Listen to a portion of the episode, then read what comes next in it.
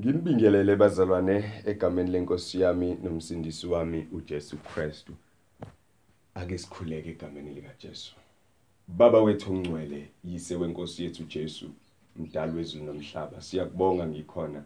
Siyakubonga Nkosi yethu, siyakubonga mnini mandla onke ukuthi Nkosi yami usivumele, ukuthi Nkosi yami usenzele lolu suku lokuba siphinde sizwe izwi lakho. Phinda uNkulunkulu wethu ongcwele usingcwelise. Phinda uNkulunkulu wethu onamandla onke uhlale nathi. Khuluma izwi kithina ngikhona bese siyalalela. Khuluma izwi ngikhona kithina bese siyathotshiswa. Egameni lika Kristu Jesu inkosi yethu. Mana njalo. Phakama nangalesikhathi kuze kube kuphakade. Vula indlebe zethu Nkosi yami silungele ukuzwa. Egameni lika Jesu Kristu waseNazaretha bese uyalungisa zonke izimo esibhekene nazo baba wethu ongcwele ngoba unamandla okwenza lokhu. Konke lokhu sikucela egameni elihle lomfeli wethu Jesu Kristu. Amen. Bazalwane izwi lethu lanamhlanje sizolithola encwadini yamahubo isahluko 8 siqale ukufunda kwindima yokuqala sime kwindima yesishiyagalolunye. Eh chapter 8 verse 1 to verse 9 kumahubo. Mahubo chapter 8 verse 1 to verse 9 izwi ke leli abantu abaliningi abalaziyo ikakhulukazi eh uverse 4 wakhona abayele bawusho nje bengawunakile uyini umuntu kuba umkhumbule nendodana yomuntu ukuba uyinake kangaka na? Izwi nje leli abantu noma abazalwane abafamilia nalo kodwa ke namuhla ngicela ukuba ke silifunde lonke ebese siyakhuluma ngaso isahluko sonke ukuthi sichazani kithina noma sisibuka kanjani namhlanje. Kufundeka kanje egameni lika Jesu. Jehova Nkosi yethu igama lakho liyababazeka kangaka emhlabeni wonke. Wena owabeka inkazimulo yakho ezulwini ngomlomo wezingane nowabancelayo wagxilisa amandla ngenxa yabamelene nawe ukuba uthulise isitha nophindisayo lapha ngibuka izulu lakho umsebenzi weminwe yakho inyanga nezinkanyezi ozimisileyo. Umuntu uyini ukuba umkhumbule? Nendodana yomuntu ukuba uyinake na? Wamenza waba ngaphansana kukaNkuluNkulu wamqhelisa ngenkazimulo nangobukhosi. Wamenza abe ngumbusi phezulu kwemisebenzi yezandla zakho. Konke wakubeka phansi kwezinyawo zakhe izimvu nezinkomo zonke. Yebo nezilwane zasendle nezinyoni zezulu nezinhlanzi zolwandle nakho konke okuhamba ezindleleni zolwandle. Jehova Nkosi yethu igama lakho liyababazeka kangaka emhlabeni wonke. Amen. Baba izwi lakho leli liyaphila liphefumulelwe nguwe. Kusisa ngosiyami ukufunda kwalo ebese uyasichazela lona ingenkathi sililalele egameni lika Jesu Christ Inkosi amen. Bazalwane la esifunda khona sifunda izwi lendumiso. Sifunda izwi lokuphakamisa izwi lokuhalalisa ihubo lokumbonga uNkulunkulu. Obhala leli hubo ngathi ubuka impilo yakhe ebese abuke amandla kaNkuluNkulu phezukwempilo yakhe ebese eyazibuka ukuthi uphasi kangakanani kodwa uNkulunkulu yena umthathe wambeka njengomuntu ophezulu kangakanani.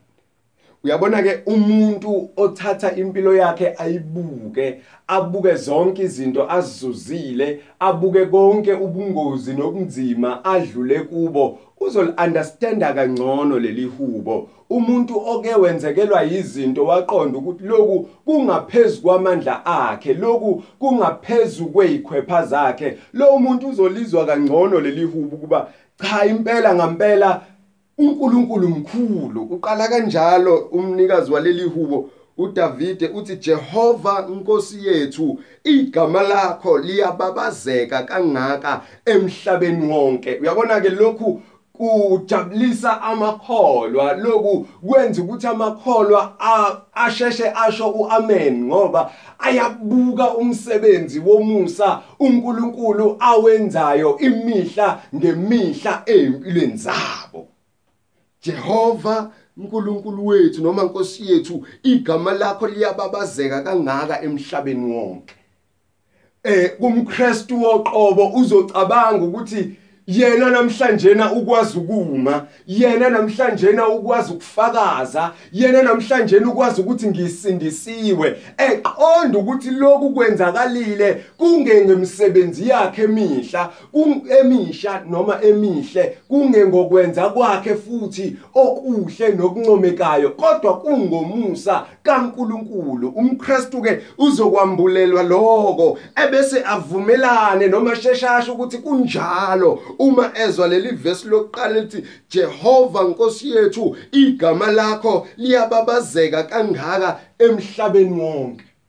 Ngobe understand the free gift of grace ayifumeneyo kuNkulunkulu mzukwane uKristu efa endaweni yakhe mzukwane uKristu ebethelwa eshawa etshatha bonke ubuhlungu bakhe lo mzalwane uzo uzoma avumelane nale statement sokuthi ngempela igama likaNkuluNkulu liyababazeka emhlabeni wonke.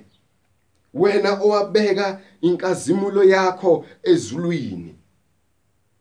Impela our God is glorious. Impela afakaza kanjalo amaKristu. Athi mebuka impilo yabo athi ngidlulile impela ezintweni ezinzima ezinye ngiyifake mina ngamabomu kodwa uNkulunkulu ungikhiphile ayene impela igama likaNkulunkulu liyababazeka emhlabeni wonke ngoba ngidlule kulezimo engidlule kuzo kungengamandla ami. Ngoba nginqobe izimpi ekade ngibhekene nazo ngingena ikhwepha ngoba ngimile nje akusiwa amandla ami impela God is worth of our praise. Impela uNkulunkulu ufanelwe udumo. Impela mina ngingumoni nje omkhulu. Ngakho uNkulunkulu ufanelwe. Yiloku akushoyo futhi lo mbhalo uthi ngomlomo wezingane nowabancelayo wagxilisa amandla akho ngenxa yabamelene nawe. Ukuba uthulise isitha nophindisano khumbula ukuthi lo bhalayo la primarily ubhalela ibandla lakwaIsrael uDavide ubhalela isizwe sakwaIsrael mesibhalela lesizwe eh uthatha isizwe sakaIsrael usibeka njenganezingane ezincane njenganabantwana abancane njenganabantu abancelayo abantu abangakwazi ukuphikisana nabaphikisana nabo abantu abangakwazi ukulwisana nabalwisana nabo. Uthi ke nasemlonyeni noma ngomlomo wezingane nowabancelayo wagxilisa amandla ngenxa yabamelene nawe wavusa isizwe esi unequipped for impi isizwe singena experience for impi isizwe singakwazi ukuyilwela. Wasipha amandla wagxilisa amandla ngenxa yabamelene naye uqobo uNkulunkulu. Yiloke engikushoyo mina mangithi umkho ukuyikholwa noma umKristu usho kangcono noma uwezwa kangcono lamazwi ukuthi impela igama likaNkulunkulu liyababazeka emhlabeni wonke ngobe understand izinto uNkulunkulu amenzele zona. noDavide lana ngathi kulowo mqondo ngathi kulowo mumo ukuthi kukhulu uNkulunkulu angenzele kona. Buka isizwe sakwaIsrael esingene impilo eziningi sanqoba. Singenabo abantu abanezandla ezikhuluphalisiweyo ukuba banqobe impi. Abantu abanemqondo ejulile ukuba banqobe kodwa konke bebethatha ama instructions kuNkulunkulu benze njengalokhu uNkulunkulu kade ebayalile ingakho ekume babuka bazifanise nabantwana abancane abancelayo. uNkulunkulu agxilisa kubo amandla ukuba bakwazi ukunqoba abamelene naye ukuba bathulise futhi nophindisayo. Athi lapho mangibuka izulu ngibona izinkanyezi ngibona eh umsebenzi wemino yakho inyanga nezinkanyezi ezimisiliweyo. Kodwa ke umuntu uyini ukuba umkhumbule? Nendodana yomuntu ukuba uyinake kangaka? Mm wazwa yithobisa lo muntu wazwa ibuka impilo yakhe ukuthi noma lempilo lengiyiphilayo ayingifanele i have no claims on it. Angikwazi ukuthi ngingaclaima ngithini ngithi lokhu kungifanele kodwa mangibuka eh inkanyezi ezinhle mangibuka isibhakabhaka esihle konke singokudaliweyo nabo. Kodwa wena Nkosi yami umuntu uze wamqapha. Hm? Umuntu uyini ukuba umkhumbule umnakile eh, wamthanda wamnekekela nendodana yakhe ukuba uyinake kanjena? Wamenza waba ngaphasana kaNkuluNkulu wamqhelisa ngenkazimulo nangobukhosi. Lo muntu ngisuswe ekubeni isidalwa nje ngasuswa ekubeni umenziwa nje kodwa ngazobekwa ngaphasana kamenzi ngazobekwa ngaphezudlwana kwezidalwa zonke ukuba zonke zirespecte mina ukuba zonke zingirecognize uyini umuntu? Ikuphi lokho kuspecial ngomuntu ukuze wenze lokhu? Ngoba ukube bewuthanda bongavusa izihlahla bongavusa izimvu bonga eh kodwa uyini umuntu? Hayi into eshaya lo mbhalo ukuthi bengiyini? Ngoba mebuka after Genesis chapter 3 umuntu wona uNkulunkulu umuntu befanele ukulahlwa umuntu befanele ukudelwa umuntu befanele ukushiywa kodwa uNkulunkulu still with his unfailing love uyasilandelela uyasondela uyasilanda. Ebubini esizifaka kubo sithi simbalekela asondele kithi. Alula isandla. Hathi nanamuhla umusa wami usanifanele noma ningcwele izono zibovu zinjengegazi. Ngisangazihlanza ngendodana yami eyafa endaweni yenu. Ukuba nina nisindiswe. Uyini umuntu? Mm, uyini umuntu? Ngoba kwesinye isikhathi empeni empini esingena kuzo noma ekulingweni esizifaka kuzo kwesinye isikhathi kubiza ukuba size silahlekele ukuphila kwethu. Noma kwesinye isikhathi kubize ukuthi kuze kulahleke lensindiso esingayamkelanga ngenani elithile kodwa siyinikeziwe mahala. Kodwa uNkulunkulu angasiphuci yona. Sesingenile ezilingweni aphinde futhi asinikeze nezibusiso phezukwalokho uzuxakeke ubuza ukuthi nkosiyami yami impilo why uyinakekela kangaka? Nkosi yami mina ngoba ngiwumoni ngoba ngenzi kahle ngoba kukho engingaclaima ngithi ngiyona ngiyaphambuka usuku nosuku. Kwenze njani uzungilandelele kangaka? Ilona umbuzo obuzo uDavide ukuthi uyini umuntu? Uyini umuntu uzumlandelela kangaka? Uyini umuntu nendodana yakhe? Ukuba uyinake uzumenza waba ngaphansana kukaNkuluNkulu wamqhelisa nangenkazimulo nangobukhosi. Wamenza abe ngumbusi phezulu kwemisebenzi yezandla zakho konke wakubeka phansi kwezinyawo zakhe.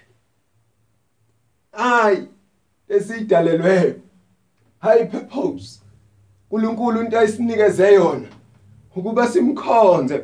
Yebo ukuba simdumise. Yebo ukuba simnikeze udumo futhi ubekile. Phansi kwethu zonke idalwa wasiphakamisa thina ukuba sibe ngaphezulu kwazo. Yiloko kufike kushaya uDavide ukuthi umuntu ona kangaka umuntu e, e, e, ephambuka kangaka wena inkosi still usamenzile. Ah ngosiyami ebese abantu bayaqeqedeka ke bese bekhothamela idalwa abantu bese bayaphambuka ke bese bakhothamela idalwa bakhonze idalwa umuntu azakhe asiqopha aqopha ukhuna libaze abesathi wena uzoba uNkulunkulu wami. Baphambuka inature iphambukile isimo sokwenza sishintshile ngoba abantu balahlekele uNkulunkulu bamshiyile uNkulunkulu bahamba bafuna ukuyozidumisa. Lona ke uthi ngosiyami kodwa ngiyini ngispecial ngani kangaka? Uzunginakekele kanjena uzungithwale kangaka. Lokho akusho nempilo yakho mzalwane. Akwenzekali ni lokhu kuwena? Kukangaki umhlubuka uNkulunkulu kodwa namhlanje na usakunakekela. Kungakaki umshiya uNkulunkulu kodwa namhlanje na usakupha amandla kukangaki ungambongi uNkulunkulu kodwa usaqinisa usuku nosuku. Kukangaki umdelela uNkulunkulu uthi uNkulunkulu akekho kodwa umi nawe imihla ngemihla. Davide wamenza abe ngombusi phezulu kwemisebenzi yezandla zakho. Konke wakubeka phansi kwezinyawo zakhe izimvu nezinkomo zonke yebo nezilwane zasendle nezinyoni zezulu nezinhlanzi zolwandle nakho konke ukuhamba ezindleleni zolwandle. Ngamanye amazwi konke okudaliweyo wakwenza kwaba ngaphasana komuntu konke okubaziweyo wakwenza kwaba ngaphansi komuntu. Konke okubumbi yonke imisebenzi yezandla zakho. Uyini lo muntu? Special ngani lo muntu? Uspecial ngani lo muntu? Mm. Jehova Nkosi yethu igama lakho liyababazeka kangaka emhlabeni wonke. Ngoba ungidalile ngoba ungenzile ngoba ungiphakamisile ngoba ungibekile endaweni ephezulu wangenza ngaphasana kwakho. Nkosi yami akukho kunye engingakwenza. Akukho Nkosi yami ongalethi izibongo kuwe. Akukho okungenza umuntu azishaye isifuba. Kodwa into umuntu angayenza response to that is to worship God. Response yalokho ukudumisa uNkulunkulu. Iloku lakaqale ngako uDavide naphinda phetha ngako ukuthi Jehova Nkosi yethu igama lakho liyababazeka kangaka emhlabeni wonke. And lokho uNkulunkulu akudalele umuntu ukuba hlale njalo embonga ukuba hlale njalo emdumisa ukuba mm, siyami ukuba hlale njalo emphakamisa. Yileyo nto into esiyimelwe bazalwane. Yona into akudingi ukuthi sisebenze kanzima ngoba imisebenzi yethu ifana neyidwendwe nje ingcolile imisebenzi yethu ayilutho ayisenze lutho imisebenzi yethu emihle. Kodwa siyayamukeliswa ngokukholwa kuKristu Jesu. Nako sike singakwenza nako esifanele ukwenza ukuthi Nkosi yami usiphakamisile wasibeka endaweni ephezulu. Nkosi yami usaqhubeka usinika izibusiso zakho. Nkosi yami usaqhubeka uyasinaka uyasikhathalela uyasikhumbula uyasivikela usinika amandla uyasinqobisa wenza konke okuphezulu nokuphakeme ongakwenza. Nkosi yami esingakwenza ukuba sikudumise esingakwenza Nkosi yami ukuba sikubonge. Uma ngabe bowungakamdumisi uNkulunkulu uma ngabe impilo yakho beyingakaphili for the glory of God mhlambe namhlanje bowungathatha isinqumo ukuthi inkosi yami ngicela ukukudumisa. Unkosi yami ngicela ukukukhonza kube sengathi ngiyaqala ngoba ngiyaqonda ukuthi konke okwenzileyo angingenge imisebenzi yami emihle angingenge ngokwazi kwami angingenge ngokuba ngimuhle noma ngispecial. I am just a creature oyenzile nje nami ngezandla zakho. Yebo wathatha isikhathi sakho wangidala wafaka umoya wakho. Kodwa Nkosi yami lokho angingenzi ukuba ngibe special ngenye indlela. Wena ongenza ngibe special. Ngakho ke uma ngabe bongakamdumisi uma ngabe bongakamkhonzi ngendlela efanele this is the day this is the time. Phendula impilo yakho. Cela uNkulunkulu akupha amandla khona lowo mandla ukuba uphile uphenduke phile uphilele yena. Umbonge ngezikhathi zonke umenjoye insuku zonke enjoye nezipho zakhe nezibusiso zakhe asazokunika yona. Mayinibusisa inkosi egameni lika Christu Jesu asikhuleke. Baba siyabonga.